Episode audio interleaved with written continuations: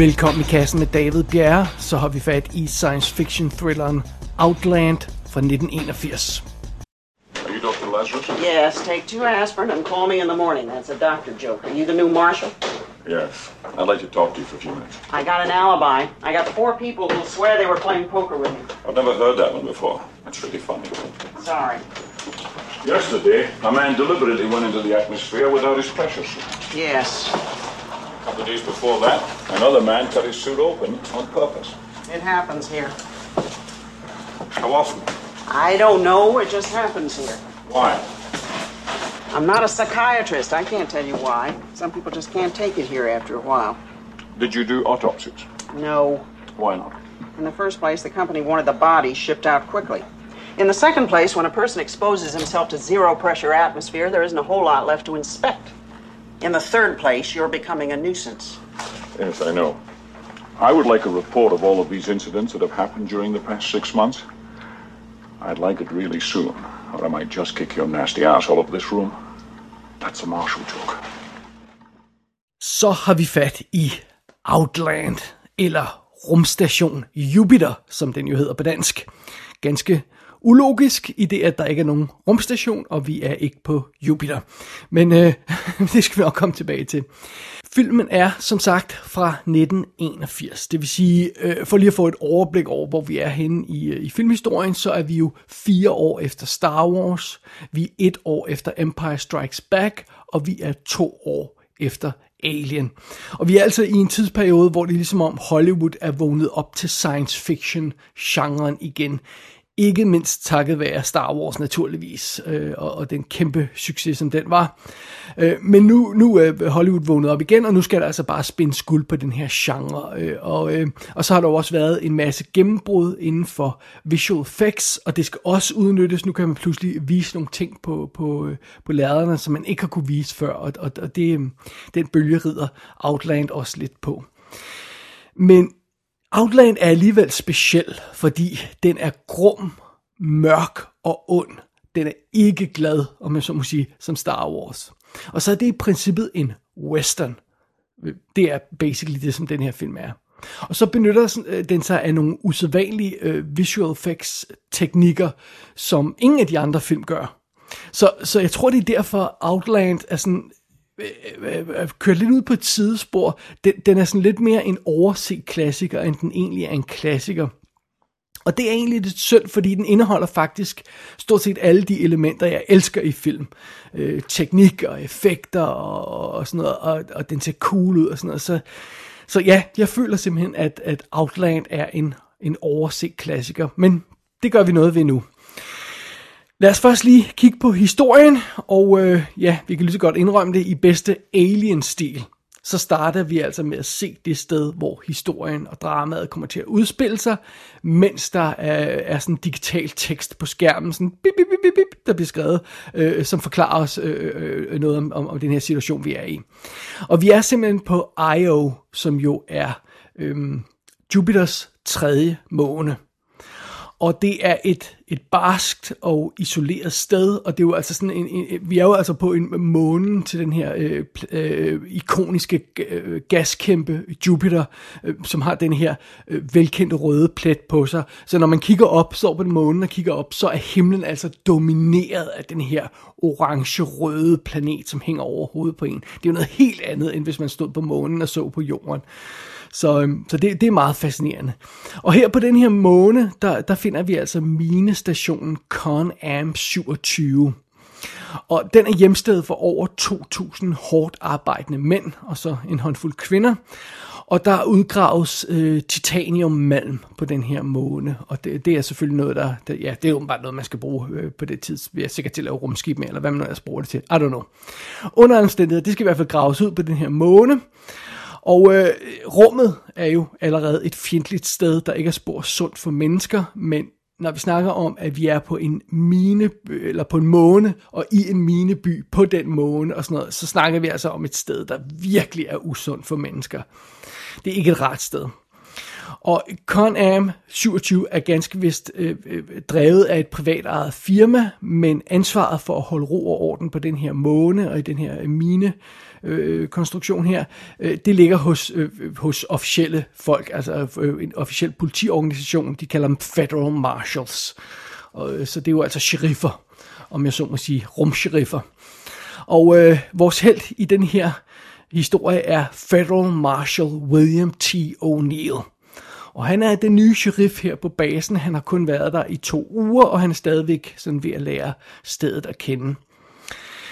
Men ret hurtigt begynder der at ske nogle mystiske ting her på mine øh, operationen. Øh, en række uforklarlige selvmord plager de her minearbejdere. Men firmaet, der ejer minen, synes ikke at være synderlig øh, bekymret over det her, og øh, det er også ligesom om O'Neills kollegaer trækker lidt på skuldrene over den her situation. Nå ja, så er der nogle folk, der begår selvmord. Det sker jo. Øh, men der går også ikke lang tid før, for, før O'Neill han mistænker, at der er, der er noget virkelig galt her på, på, øhm, på rumstation Jupiter, eller hvad, nej, det må vi jo ikke kalde den, for det er det ikke. Øh, under omstændighed, han over, opdager øh, den kære O'Neill der, at minearbejderne er begyndt at tage et nyt stof, et syntetisk stof, der basically driver dem til vanvid. Og det er vel at mærke efter, at de har arbejdet sig selv til døde for firmaet, naturligvis. Og han opdager også, O'Neill, at der ikke rigtig er nogen andre end ham, der er interesseret i at stoppe det her misbrug, og specielt ikke chefen for minen, Shepard hedder han. Fordi øh, de her dopede øh, arbejder, de leverer fantastiske resultater, indtil de i hvert fald dør, og når de dør, så skal de jo ikke have en bonus, så det er jo altså meget fint. Øh, Øh, men øh, øh, O'Neill han beslutter altså alligevel, at han, han bliver nødt til at tage kampen op mod, øh, mod det, den her plage og, og systemet, der, der beskytter øh, firmaets interesser og sådan noget. Og når han gør det, så opdager han ret hurtigt, at han står helt alene. Der er ingen, der gider at hjælpe den her stakkels sheriff øh, med at kæmpe for retfærdigheden. Og øh, der, han får heller ikke noget hjælp, selv da, da Shepard, øh, chefen på basen der, han beslutter sig for at, og, øh, at hyre nogle lovløse banditter til at komme og dræbe den her besværlige sheriff. Så må, så må Kære O'Neill, altså ene mand, tage kampen op mod de her grumme folk. Ja, uden at der er nogen på, på, øh, på IO, der gider hjælpe ham. Det er, det er, det er en ret hård situation. Og det er simpelthen plottet, basically, det simple plot i Outland. Filmen er skrevet og instrueret af Peter Himes, og ham har vi rent faktisk haft i kassen før, i det at han stod bag End of Days fra 1999 med Arnold Schwarzenegger, og så lavede han også A Sound of Thunder fra 2005, som var lidt uheldig. Og øh, så har vi jo rent faktisk også anmeldt Stay Tuned fra 92, som han lavede, så, så det, er jo, det er jo altså meget, øh, meget fascinerende. Øh, i tidens morgen, der kom, han, han, han har lavet et par små ting, men han kom sådan rigtig på banen i 77 med Capricorn 1, som er den her film, der, der handler om en, øh, et forsøg på at fake øhm, øh, månelanding, eller er det Marslanding, de skal, det kan jeg ikke huske, under andet sted, det, det, det skal i hvert fald fakes. Øhm, så det, det, der, der er sådan lidt science fiction i Peter Himes karriere der. Og så var det, han, han lavede den her Outland nogle år senere, i 81, og så tre år senere igen, så lavede han 2010, The Year We Make Contact, altså opfølgeren til Stanley Kubricks 2001. Og, øh, og, og så har han lavet jo øh, øh, øh alt muligt andet. The Presidio, øh, øh Time Cup, Sudden Death, The Relic, The Musketeer, Running Scared fra 86. Han, så han har lavet en masse actionfilmer og nogle actionkomedier og sådan noget, og nogle thrillers. Og så har han altså de her tre sådan, øh, øh rimelig ikoniske science fiction film på CV'et. Capricorn 1, Outland og 2010. Så det er jo meget imponerende. Og så er det jo det med Peter Himes, at han også fotograferer sin film selv. Det har han i hvert fald gjort siden 2010, officielt, altså filmen 2010. Så, øh, så han har faktisk fotograferet alle de film, vi tidligere har snakket øh, om her i kassen af hans. Han har ikke officielt fotograferet den her, men det kommer vi lige tilbage til senere. Hovedrollen som Marshall William O'Neill bliver spillet af Sean Connery. Han behøver næppe, næppe nogen introduktion. Og øh, som, øh, som Shepard, altså øh, general manager på, på øh, mineoperationen der, der har vi Peter Boyle. De fleste vil nok kende ham enten fra Everybody Loves Raymond, hvor han spillede en af, spillede han Raymonds far, det kan jeg ikke huske. Øh, under omstændigheder, så er det også ham, der er med i Taxi Driver fra 1976, øh, som, er, han, som er en af de her buddies, som Robert De Niro har som, som Taxi Driver. Som Dr. Lazarus, der ser vi Francis Sternhagen, som man måske kender fra Misery eller Stephen King-serien øh, Golden Years. Øh, og hun er jo simpelthen den lokale læge på den her base, der ender med at have sådan et, et, et godt sammenspil med O'Neill, og hun har et fantastisk sammenspil med, med skuespilleren, med, øh, med Sean Connery. Og det er ekstra fedt, fordi hun er sådan lidt ældre dame, så hun er ikke øh, kørt i stilling til romantic interest. Øh, O'Neill har en kone, øh, og, og, og, så der skal ikke foregå noget i den stil mellem de to. Øh, de har bare sådan en god pingpong sammen, fordi han tager ikke noget bullshit, og hun tager ikke noget bullshit, og det er super fedt, når, når de øh, går i kød på hinanden, om jeg så må sige. Øh, som Sergeant Montone, der er ligesom øh, Connerys second in command, der har vi James B. Syking, og ham vil de fleste kende som Lieutenant Howard Hunter i Hill Street Blues. Men han er altså stort set ukendelig her, fordi han er gemt bag et stort, sort fuldskæg. så, så man kan næsten ikke gennemskue ham. Hans stemme er ret øh, ikonisk, så... Øh, så ja, man, man kan måske godt gennemskue det ham, hvis man har set hele Hill Street Blues, men ellers kan det være lidt svært. Ellers har vi et par andre sjove navne på rollelisten. Steven Burkhoff dukker op som sådan en, en af de her folk, der bliver påvirket af det her stof, der, der, der, der, der render rundt på, på den her mineoperation. Øh, og ham husker man måske som, øh, som bad guyen i Beverly Hills Cop, som, øh, som øh, ja, med Eddie Murphy, og, øh, og så var han også rent faktisk en af karaktererne i Manhattan Night, som vi har anmeldt her i kassen, og så har han spillet bad guy i en masse andre film, Steven Burkhoff. Og så dukker John Ratzenberger op i en lille bitte, bitte rolle i starten af filmen, John Ratzenberger kender de fleste jo nok som Cliff Clavin fra Cheers tv-serien, og må ikke også hardcore science fiction fans ved, at det er ham, der har en lille bitte rolle i The Empire Strikes Back. Og så dukker han jo op i alle Pixar-film i sådan en lille cameo nærmest. Så, så det er det. Og derudover, udover rollelisten, som, som har et par fede navne på, så er der også nogle fede ansigter på nogle af de her supporting characters, hvor, hvor jeg måske ikke lige kender skuespilleren. Udover det, så har vi altså også en ret solid, ret solid hold bag, bag kameraet. Vi har Jerry Goldsmith, som har skrevet musikken. Filmen er klippet af Stuart Baird, som altså var ham, der øh, klippede sådan nogle ting som Superman og Lethal Weapon og øh, øh de nyeste øh, James Bond-film, sådan øh, Casino Royale og Skyfall og sådan noget. Og så har han jo instrueret de her tre film, Executive Decision, US Marshals og Star Trek Nemesis. Det er Stuart Baird, Baird klipperen. Og production designeren hedder Philip Harrison. Han har også lavet production design til mange af de andre Peter Himes film, plus Mississippi Burning og The Core for eksempel. Og så er kostymerne designet af John Mollo, som jo nok er mest kendt for at lave kostymerne til Star Wars, Alien, Empire Strikes Back og Event Horizon. Det er en rimelig god street cred at have her på, på den tekniske side af filmen øh, i Outland. Det må man nok sige. Øh, så, så det er altså meget imponerende. Men hvad med selve filmen? Er den værd at snakke om? Jamen det skal vi jo kigge nærmere på her om et øjeblik. Let me tell you what you're dealing with here. I run a franchise. The company hires me to dig as much ore as possible out of this hellhole. There's a guy like me on every mining operation all over the system. My hookers are clean, some of them are good looking.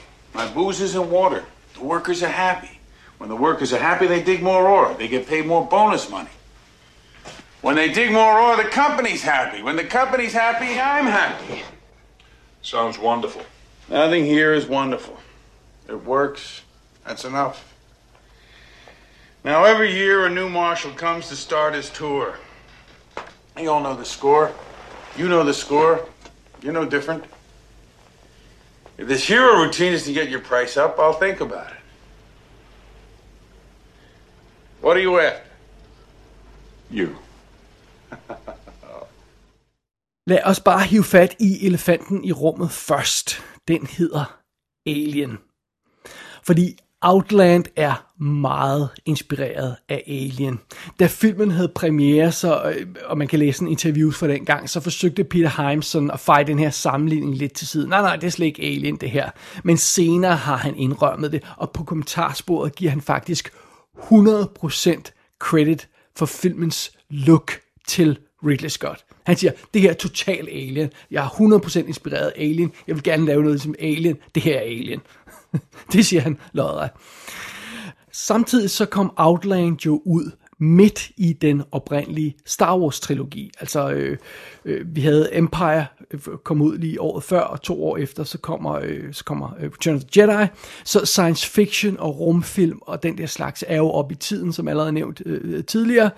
Men fidusen med det her er, er, er, er at Outland, den, den er sådan lidt et underlig mellemting, fordi den, den sidder lidt mellem de her to yderpunkter. Star Wars, som det der store, flashy science fiction haløjsa, og så Alien, som er det her mørke, grumme, dystre øh, øh, øh, øh princip horror-univers.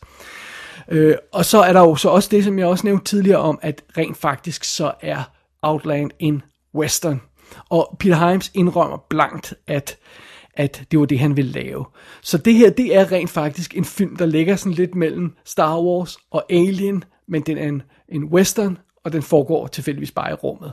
Det er en meget, det er en meget spøjt, spøjst pitch, pitch for en film. Man kan egentlig godt se, hvordan man kunne, kunne, kunne, kunne øh, forestille sig, at det ville komme til at virke. Og det, jeg synes egentlig, det virker meget godt. Men bare lige for, at det, det også skal med, det er jo altså ikke en glad og frisk western.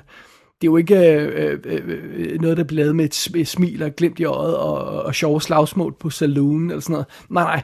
Det her, det er den type western, der viser det værste er det værste ved at leve på grænsen til civilisationen. I, i det her univers, der er det jo så øh, øh, øh, i, i, åbenbart så langt, man er kommet ud i verdensrummet, går vi ud fra. Det her det er sådan et af de yderpunkterne, hvor menneskeheden har bevæget sig ud. Og i, i, i klassiske westerns vil det være som en, en, en frontier-by, som man siger, hvor derude, hvor der ja, hvor, hvor lovløsheden hersker og sådan noget. Øh, og, og i den her film, der er det jo så ikke indianer og sådan noget, den slags, man skal, man skal bekymre sig mod, øh, om, øh, øh, som man skal kæmpe mod. Det er det, det lufttomme, kolde verdensrum, som basically gør alt, hvad det kan for at slå mennesker ihjel hele tiden. Verdensrummet, det er bare ikke, øh, det, det er ikke godt. Øh, og vi har jo allerede set øh, Alien, hvor, øh, hvor, hvor, der, hvor der er sådan mørkt og beskidt i rummet, og, og, og, og, og og som, som betragter rummet som en arbejdsplads et eller andet sted. Altså det her rumskib, vi er på Nostromo i Alien, det er en arbejdsplads. Øh, og det, det er så også det, er så det øh, Outland tager, og så tager det samtidig de der idéer fra, fra det her med, at der, øh, der taler om en mineby, og vi ved allerede, at en mineby er, er et hårdt sted. Så det bliver ligesom lagt oven i den her beskidte, mørke arbejdsplads i rummet, så oven i det, så er det en mineby, oven i det, så er det sådan en frontierby, så det, der er tale om noget, der er virkelig mørkt og beskidt i den her film. øh, og det er sjovt, fordi western sammenligning er jo også relevant, fordi filmens sidste akt basically er high noon. I sidst i filmen, der går det op for Sean Connerys karakter, at han står helt alene mod de her øh, killers, som kommer for at slå ham ihjel, og det er basically High Noon, som, som øh, sidste tredjedel af filmen er. Vores held må kæmpe alene mod de her revolvermænd, øh, med, og, og, og op til, at de kommer, så er der sådan et ur, der tæller ned. I, øh, i High Noon er det selvfølgelig, ja, High Noon, uret tæller til, men her i øh, Outland, der er det ankomsten af den, øh, øh den øh, ugentlige space shuttle med forsyninger. Der er sådan et stort ur, der tæller ned til det hele tiden, og det er der, O'Neill han ved, at, at, at killerne er på den her rumfærge, og han ved, hvornår de vil komme. Og der er de her uger overalt, der tæller ned til, hvornår rumfærgen kommer i den her uge. Og, og, og det, er så, det er så vores high noon stemning kommer derfra. Men rent faktisk, og det, det, det er ofte den her high noon sammenligning, der bliver hed, hed fat i, når det, når det gælder Outland. Man siger, at det, det, er, det er high noon in space. Well, det passer ikke helt, fordi det er faktisk kun den sidste tredjedel af filmen, der følger det der high noon plot de første to tredjedel af filmen er meget mere i stil med sådan en 70'er politifilm. Altså, vi kender den her klassiske type øh, politifilm, øh, dystre politifilm fra 70'erne, hvor en eller anden ambitiøs, ung, øh, øh, ærlig betjent havner midt i et eller andet korrupt kvarter, og han må kæmpe mod systemet for at rense op i nabolaget, alt det her løjse. Og det er faktisk...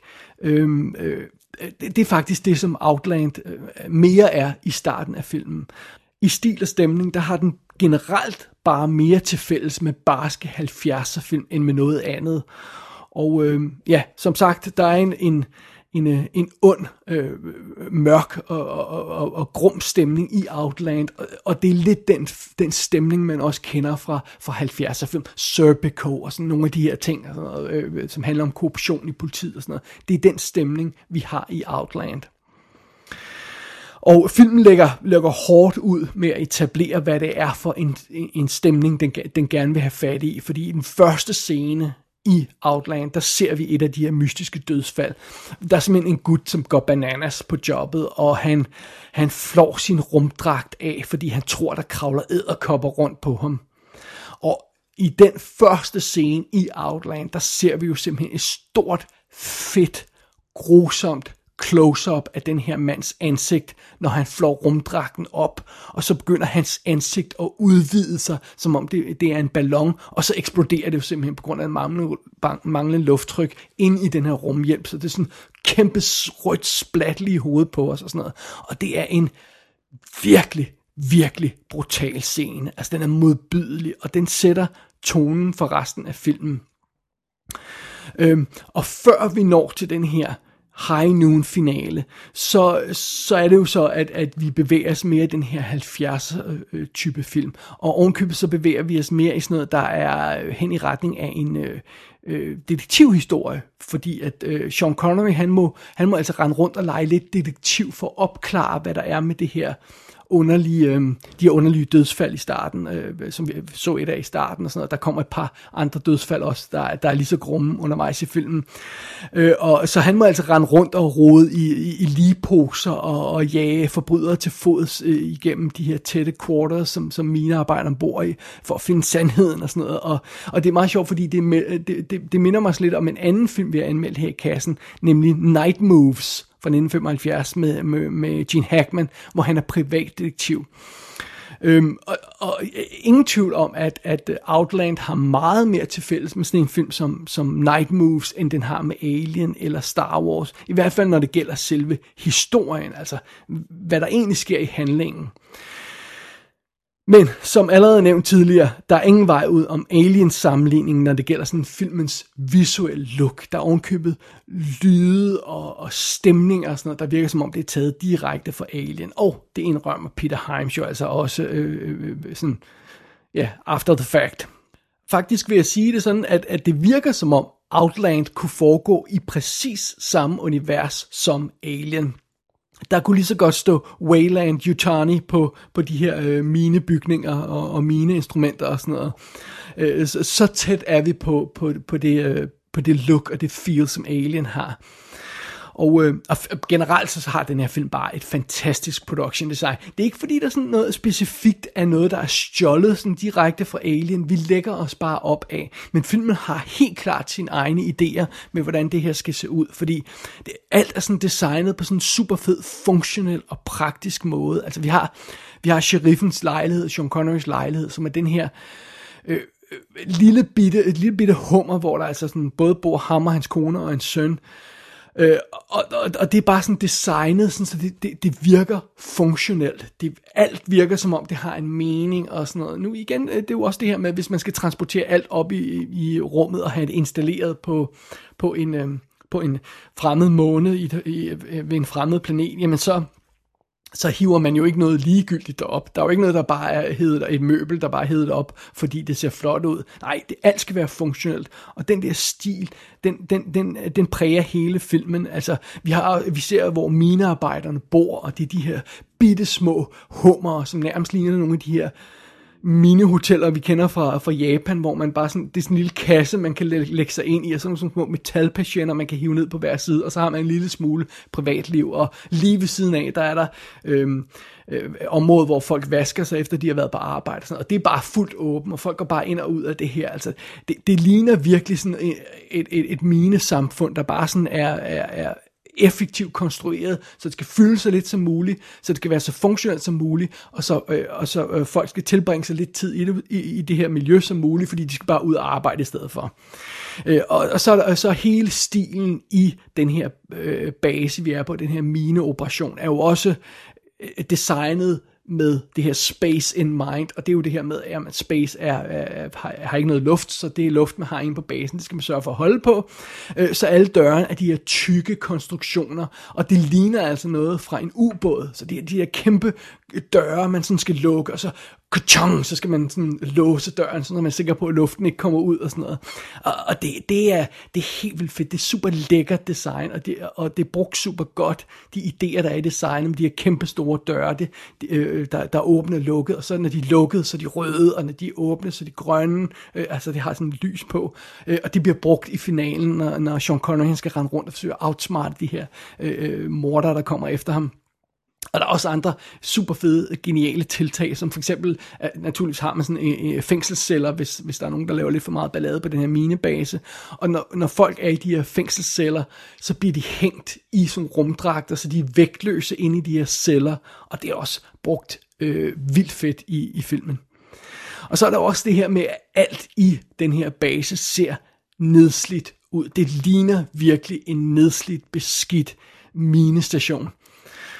Øh, og og det, det, det er bare fedt. Det er igen det her arbejdsplads i rummet. Det er ikke noget flashy Star Wars eller 2001 look. Øh, det, det, er, det er beskidt, og det er dirty. Og, og det er sjovt, fordi når man kigger på Outland, så ja, det ligner bestemt, øh, som om den passer i Alien-universet, men det ligner også helt klart en Peter Himes film. Fordi han elsker det her look, han elsker det her, øh, han er jo berømt for at foretrække det her øh, øh, øh mørke, den her mørke stil i stedet for at alt bare er, er, er lyst op, så, så elsker han mørke scener, og det, det er det samme i 2010 og sådan noget. Og der er jo også nogle af enkelte af hans film, for eksempel End of Days og sådan noget, og The Relic, der har fået kritik, fordi nogle gange så er scenerne simpelthen så mørke, så man ikke kan se, hvad der foregår, fordi han bare elsker mørke. Øh, og, og Outland har meget til fælles med 2010. De kunne også godt foregå i samme univers på en eller anden plan. Øhm, og det sjove ved det hele er, når vi snakker det her look, og, sådan noget, så, så, så er det værd at bemærke, synes jeg, at 2010 er den første film, hvor Peter Himes er krediteret både som instruktør og fotograf. Men da jeg researchede den her film til Outland, så opdagede jeg altså, at han rent faktisk også har skudt Outland. Han har bare ikke fået credit for det. Altså på credit i, øh, i, i starten af filmen, der står fotografen som Steven Goldblatt. Han er en, en respekteret fotograf, fotograf in his own right. Uh, han debuterede med filmen, der hedder Breaking Glass, som fotograf i 1980. Så det her det er kun hans anden spillefilm som fotograf. Og apparently så blev han hyret specifikt til at overse Second Unit. Uh, Steven Goldblatt, han fik ansvaret for den unit, der lavede modeloptagelserne. Altså, øh, øh, de her modeloptagelser skulle bruges i forbindelse med, med, med når vi ser minestationen, øh, så, så ser vi en kæmpe stor model, også i forbindelse med actionsekvensen til sidste film, det kommer vi tilbage til om et øjeblik. Men fidusen var simpelthen, at Peter Himes, han var fotograf på første unit, og han satte tonen og stilen på de almindelige optagelser med, med The Main Unit. Og Steven Goldblatts opgave var så at sørge for, at den stil blev holdt når, når det galt modeloptagelsen. Og, og det er jo ofte noget, som, har, øh, som nogle film har kæmpet med, det her med, at så ligner modeloptagelsen slet ikke, at de passer ind i resten af filmen, fordi der er en anden fotograf, der har lavet det, og, og der er en anden stil, og man sætter lys på en anden måde på modeller, end man gør øh, på, på almindelige kulisser. Øh, så Steven Goldblatt var simpelthen hyret specifikt til at sørge for, at han matchede stilen fra main unit på second unit modeloptagelserne. Hvorfor han så har fået credit som main fotograf, det ved jeg ikke. Jeg, jeg, jeg, jeg, jeg, jeg, jeg må indrømme, jeg er faktisk ikke klar over, om Peter Himes i virkeligheden har skudt flere af sine film ukrediteret. Øhm, og jeg, jeg undrede mig også over, det, hvorfor han skifter til den type credit, altså fotografer, fotograf og instruktør på øh, hvad hedder det, 2010-filmen i 1984. Men så fandt jeg altså ud af, at det her i 1981, der har, på Outland, der har han i virkeligheden skudt filmen selv. Og hans næste film, den der ligger mellem Outland og 2010, hedder The Star Chamber med Michael Douglas fra 1983. Og hvis man tjekker, hvem der har fotograferet den, så er det sådan en gut, der kun har lavet tv-ting og har været second unit fotograf på nogle andre ting. Så jeg mistænker, at Peter Himes også har skudt The Star Chamber, men igen bare ikke har fået credit for det. Men jeg har ikke rigtig kunne finde ud af nogle af de her ting. Og en af problemerne er også, at øh, American Society of Cinematographers, som er den øh, fagforeningen for filmfotografer, som jo har deres eget blad, The American Cinematographer Magazine. Øh, de har aldrig skrevet nogle artikler om, øh, eller så vidt jeg ved, har de i hvert fald øh, øh, sjældent øh, øh, lavet artikler om Peter Heims film, og, og jeg har ikke kunne finde noget om, om øh, Outland eller Star Chamber i det blad. Øhm, indrømmet, jeg har ikke alle bladene, så man er lidt afhængig af, af, af Google-søgning og sådan noget. Men, men der er alt muligt ballade i den her forbindelse med det her med at være fotograf, fordi øh, den her fotografforening, American Society of Cinematographers, som vi kender ved ASC, som jo altså står bag ved fotografens navn på credit nogle gange, den her fotografforening, de hader, når instruktører skyder deres egne film. Det kan de ikke lide. Øh, og, og, og det, er også, øh, øh det er også derfor, at der aldrig står ASC efter Peter Heims navn øh, som fotograf, fordi han er ikke medlem af Fotografforeningen, fordi de nægtede at optage ham, selvom han blev indstillet og anbefalet af sådan noget som en oscar fotograf som Conrad Hall sagde, prøv at høre, vi bliver nødt til, nødt til at have Peter Heims med i den her forening, fordi han er en fantastisk fotograf. Nej, det vil de ikke, fordi han instruerer sin film, og han fotograferer dem selv, og det går ikke. Af en eller anden grund ej, det er super nonsens, og det er super mærkeligt og sådan noget. Og, og jeg, jeg har ikke kunne finde så forfærdelig meget information om det andet, end at Peter Himes har indrømmet, at han var til interview øh, i, øh, øh, i øh, American Society for Cinematographers. Det har han indrømmet i nogle interviews, og så afviste de hans ansøgning simpelthen. Det er meget mærkeligt. Det er meget mærkeligt. So be it. Nå, anyway, det er filmens visuelle look, og det er helt klart, ja, det kan godt være, at det ligger sig op af Alien, men det ligger sig helt også og, også øh, klart op af, af den stil, som Peter Himes han foretrækker, som det her mørke, moody, visuelle, øh, øh, øh dystre og, og ganske få lyskilder og sådan noget, og, og øh, ofte er, er mange af scenerne badet i mørke og sådan noget. Det elsker han, og det er det, som Outland også er. Det er en mørk film, både i, i tema og i, i uh, the visuals.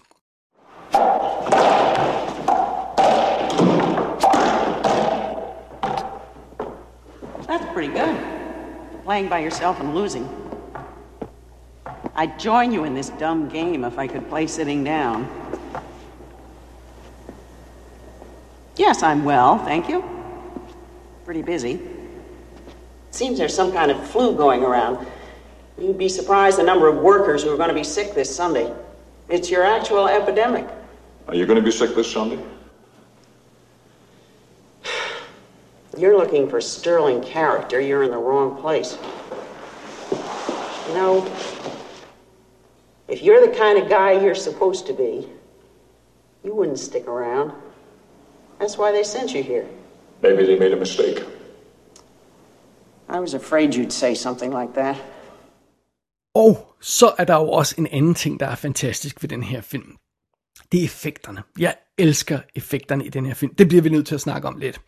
Øh, først og fremmest er der jo selve basen, den her minebase, øh, som, som vi er på, øh, som jo er sådan en konstrueret lidt, så det ligner en, en futuristisk boreplatform så når den står der i landskabet på den her øh, måne Io, så ligner det simpelthen sådan, den har sådan tårne og sådan lange ben ned, nærmest som vi kender fra en, fra en, øh, fra sådan en, en boreplatform, der, der, der er ude i havet simpelthen.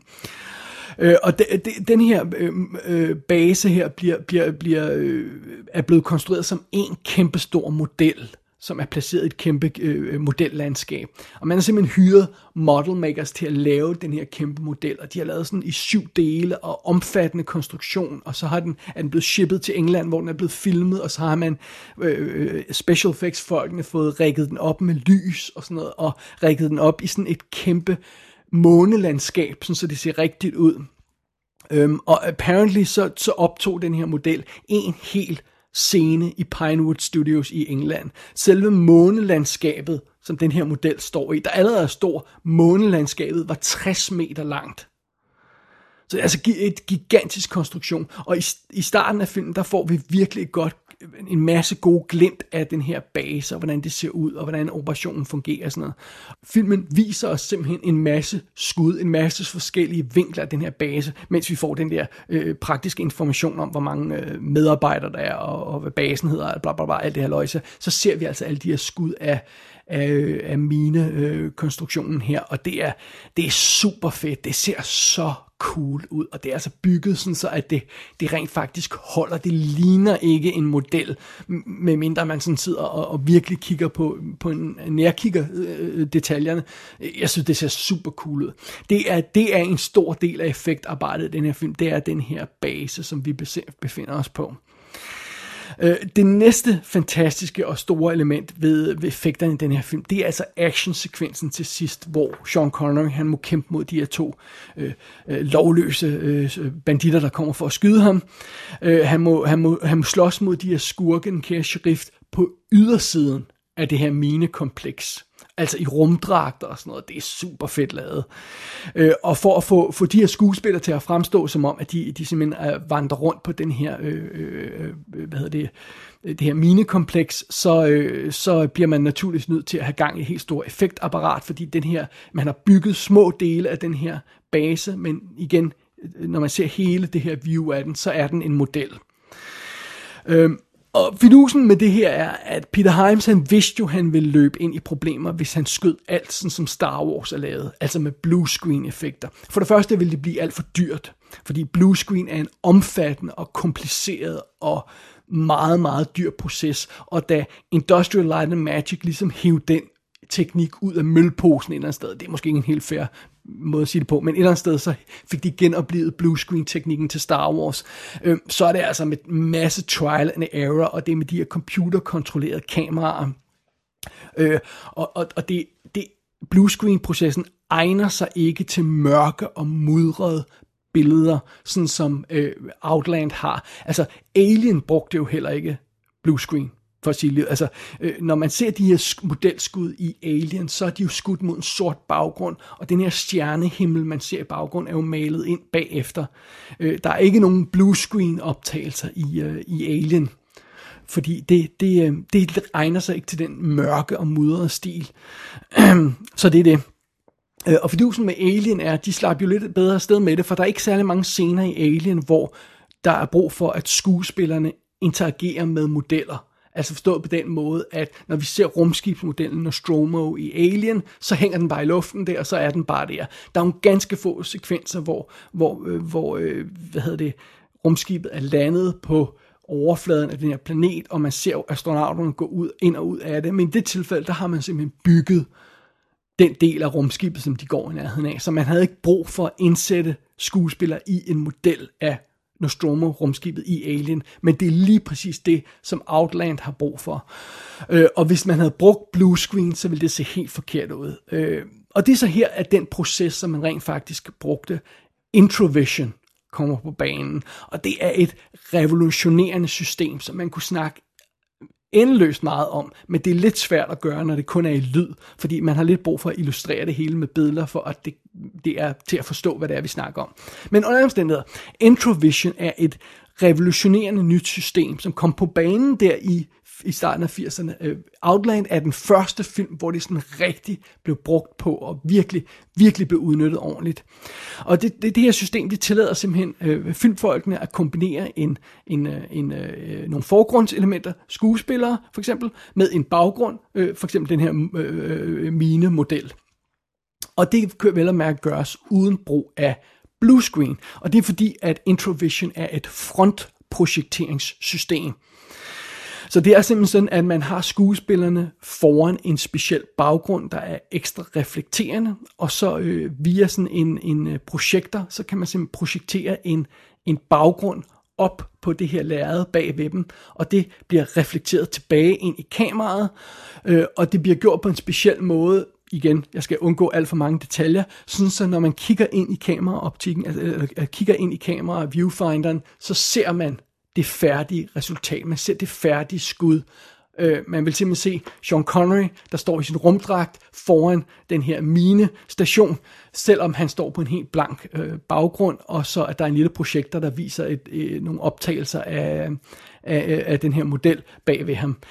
Øh, det, det, det, det bare øje kan ikke se, hvad det er, kameraet ser, på grund af den måde, den her teknik fungerer på. Men når man kigger ind i kameraet, så kan man se det færdige skud. Øh, Øh, og, og igen, jeg skal undgå øh, øh, øh, alt for mange detaljer af det her, øh, for det, det er næsten umuligt at forklare, når man ikke kan, kan vise det. Øh, men fidusen med Introvision er, at det har en, et ekstra træk op i ærmet, fordi sådan som den her teknik fungerer, så kan det lade sig gøre ikke bare at placere en skuespiller foran en baggrund med en for eksempel øh, rumbase. Det kan også lade sig gøre at få den her skuespiller til at se ud som om han går inde i rumbasen, altså bag ting og sager, bag objekter. Han går ind øh, øh bag et hegn, eller bag en dør, eller sådan et eller andet. Øh, øh, ligesom man vil kunne på bluescreen, hvor man vil filme en skuespiller mod bluescreen, og så vil man vil male dele af ham ud, når han skulle gå bag et eller andet øh, objekt, som, som bliver sat ind senere. Men her i Introvision-processen kan det altså også lade sig gøre, uden efterbehandling. Så in camera, live på scenen, kan man lave det sådan, så en skuespiller går inden igennem øh, øh, modeloptagelser, der er lavet tidligere. Øh, og igen, når, når den her optagelse er lavet, så er den færdig, så er den i kassen, for at bruge vores øh, showtitel her, så er den i kassen, og så er den færdig, og så kan man fremkalde den, og næste dag kan man se det helt færdige resultat af den her proces, der ikke skal manipuleres og efterarbejdes overhovedet. Så ser man Sean Connery, der render rundt ind i en rum, øh, rumstationsmodel. Og det er en vanvittig smart teknik, og den er blevet brugt i adskillige film på en rigtig fed måde. Nogle af de mest berømte introvision skud er for eksempel drengene, der flygter fra toget i Stand By Me, hvor de skal over den her, øhm, øh, den her bro, og så, og så øh, midt på broen, så kommer toget pludselig bag dem, og de skal løbe hurtigt, og sådan noget, og man ser toget lige ved at indhente dem, og de springer af lige i sidste øjeblik. Det er lavet med introvision.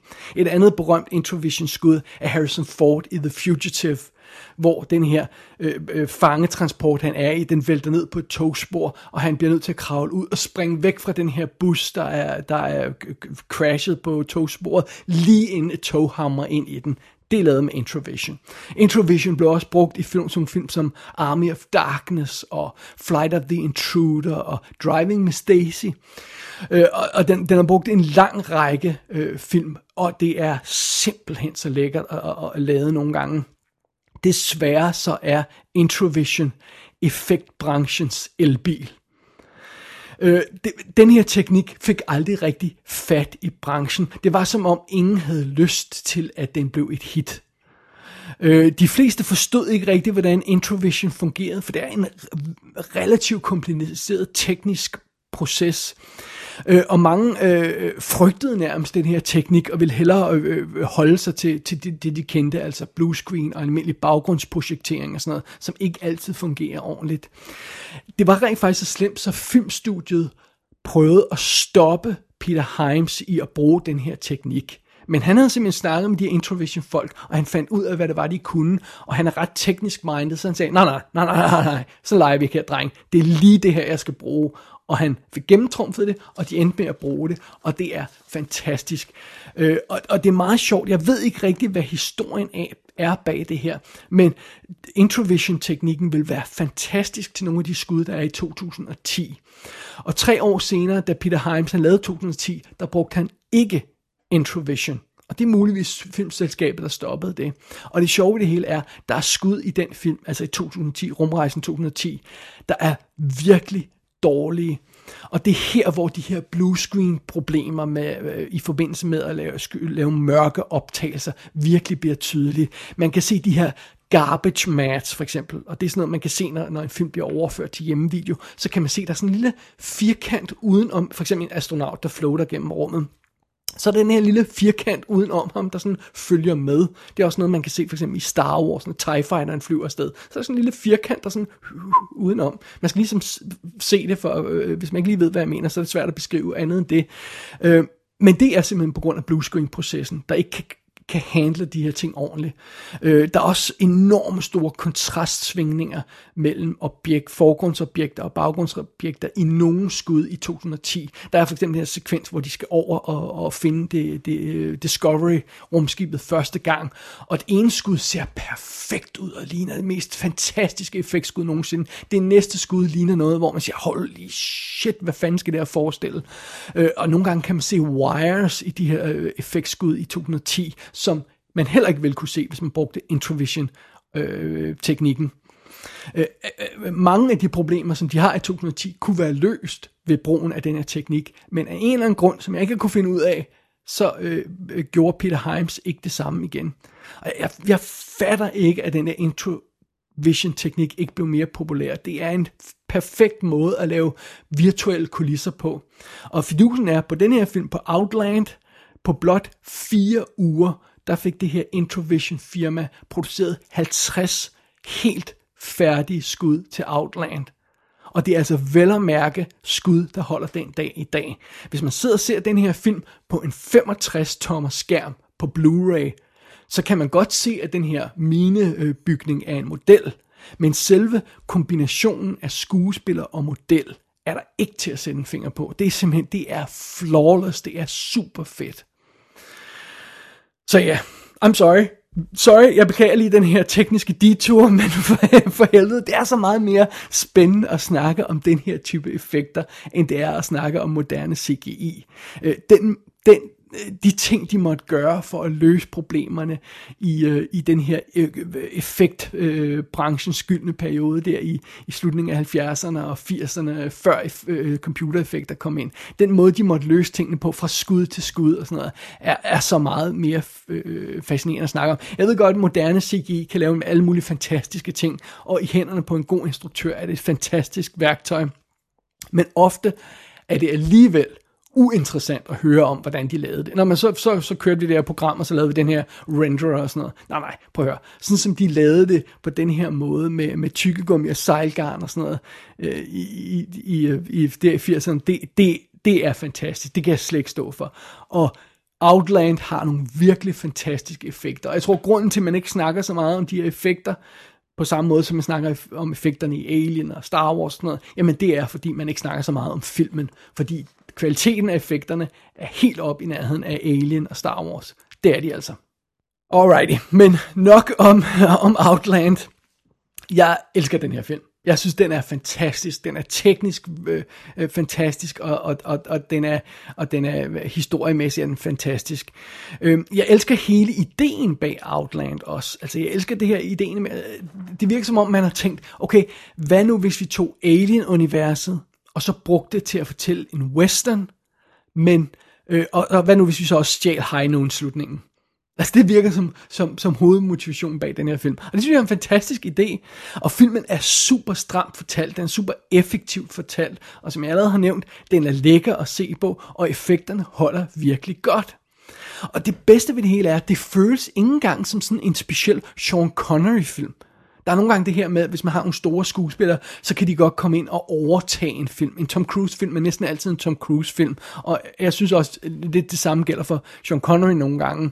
Men han spiller helt vildt anderledes i den her film. Han spiller sådan sårbart og tilbageholdende. Han har nogle virkelig øhm, gode, akavede momenter i den her film hvor han, øh, hvor, han, øh, hvor han slet ikke er det der, den der James Bond macho-figur helt, som vi kender, øh, og, og ved Sean Connery er normalt, og også er i virkeligheden øh, fornemmer man. Han har nogle virkelig ømme og stille og fantastisk godt spillede momenter i Outland her. Og, og det er meget sjovt, Peter Himes elsker Sean Connery. Hvis man hører kommentarsporet med ham, øh, som er på Blu-ray, så, så har han nogle virkelig søde historier om, hvordan Sean Connery han opfører sig på den her film, og hvordan han, hvordan han man, man har sådan en vis idé om, hvordan man tror Sean Connery er, men nogle gange så er han bare åbenbart helt anderledes, og, og, og meget givende, givende skuespiller øh, over for de, sine medspillere og sådan noget. Øh, øh, øh Mm, han, han virker nogle gange lidt som sådan en egoistisk fjols, Sean Connery, men, men det er slet ikke den, den opfattelse, som Peter Himes har af ham. Han elskede Sean Connery. Og det er meget sjovt, fordi øh, Peter Himes elsker også Peter Boyle, som jo altså så spiller bad guy i den her film. Øh, men han fortæller øh, nogle historier om, at Peter Boyle ikke forstod, hvad det var, de lavede i Outland. Altså, han forstod, han kunne læse manuskripter, han er jo ikke dum, det er jo ikke sådan, han er en genial skuespiller, så han leverede varen, og leverede scenerne, han skulle levere, og sagde replikkerne og sådan noget. Men han var ikke, han var ikke på, han fangede ikke, hvad det var, filmen var. Og det var først, da, da Peter Boyle så uh, Outland til premieren, at det pludselig gik op for ham, hvad det var for en film, de havde lavet. Det her med en western in space og sådan noget. Ikke? Og han elskede filmen, og Peter Boy, øh, undskyld, Peter Himes fortæller om, at han stormede ud af premieren og kastede sig over instruktøren der og, og krammede ham og sagde tak for at have hyret ham og sådan noget. Øh, for, for, fordi han simpelthen var så stolt af at være med i den her film, som han bare ikke helt forstod, hvad var, mens de lavede den. Det synes jeg er en, en god detalje og en god historie at slutte på. Men lad det være sagt med det samme. Jeg synes, alle, der er involveret i den her film, kan være stolte af Outland. Den holder forbavsende godt, og jeg synes, det er synd, at den er gået sådan en lille smule i glemmebogen. Jeg føler, at vi skal gøre vores for at hive den frem i lyset igen. Ikke for meget lys, fordi det kan Peter Himes jo ikke lide, men altså prøv at høre. Outland fortjener at blive husket. Det er en fremragende effektfilm fra 80'erne, og en, en skummel og en stemningsfuld, cool lille, lille, lille science fiction film. Og, og vi elsker jo science fiction film. Man kan ikke få nok af science fiction film, og specielt sådan 80'er uh, øh, øh, science fiction film som, som det her. Og det, det er lige præcis det, som Outland er, og den er fremragende.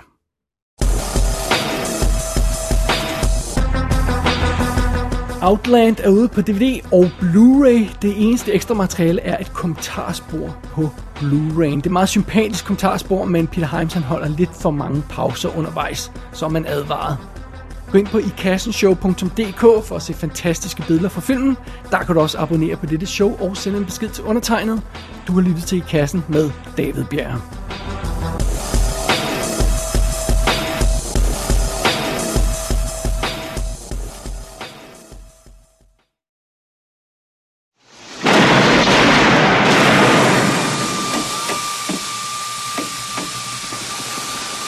Think it over.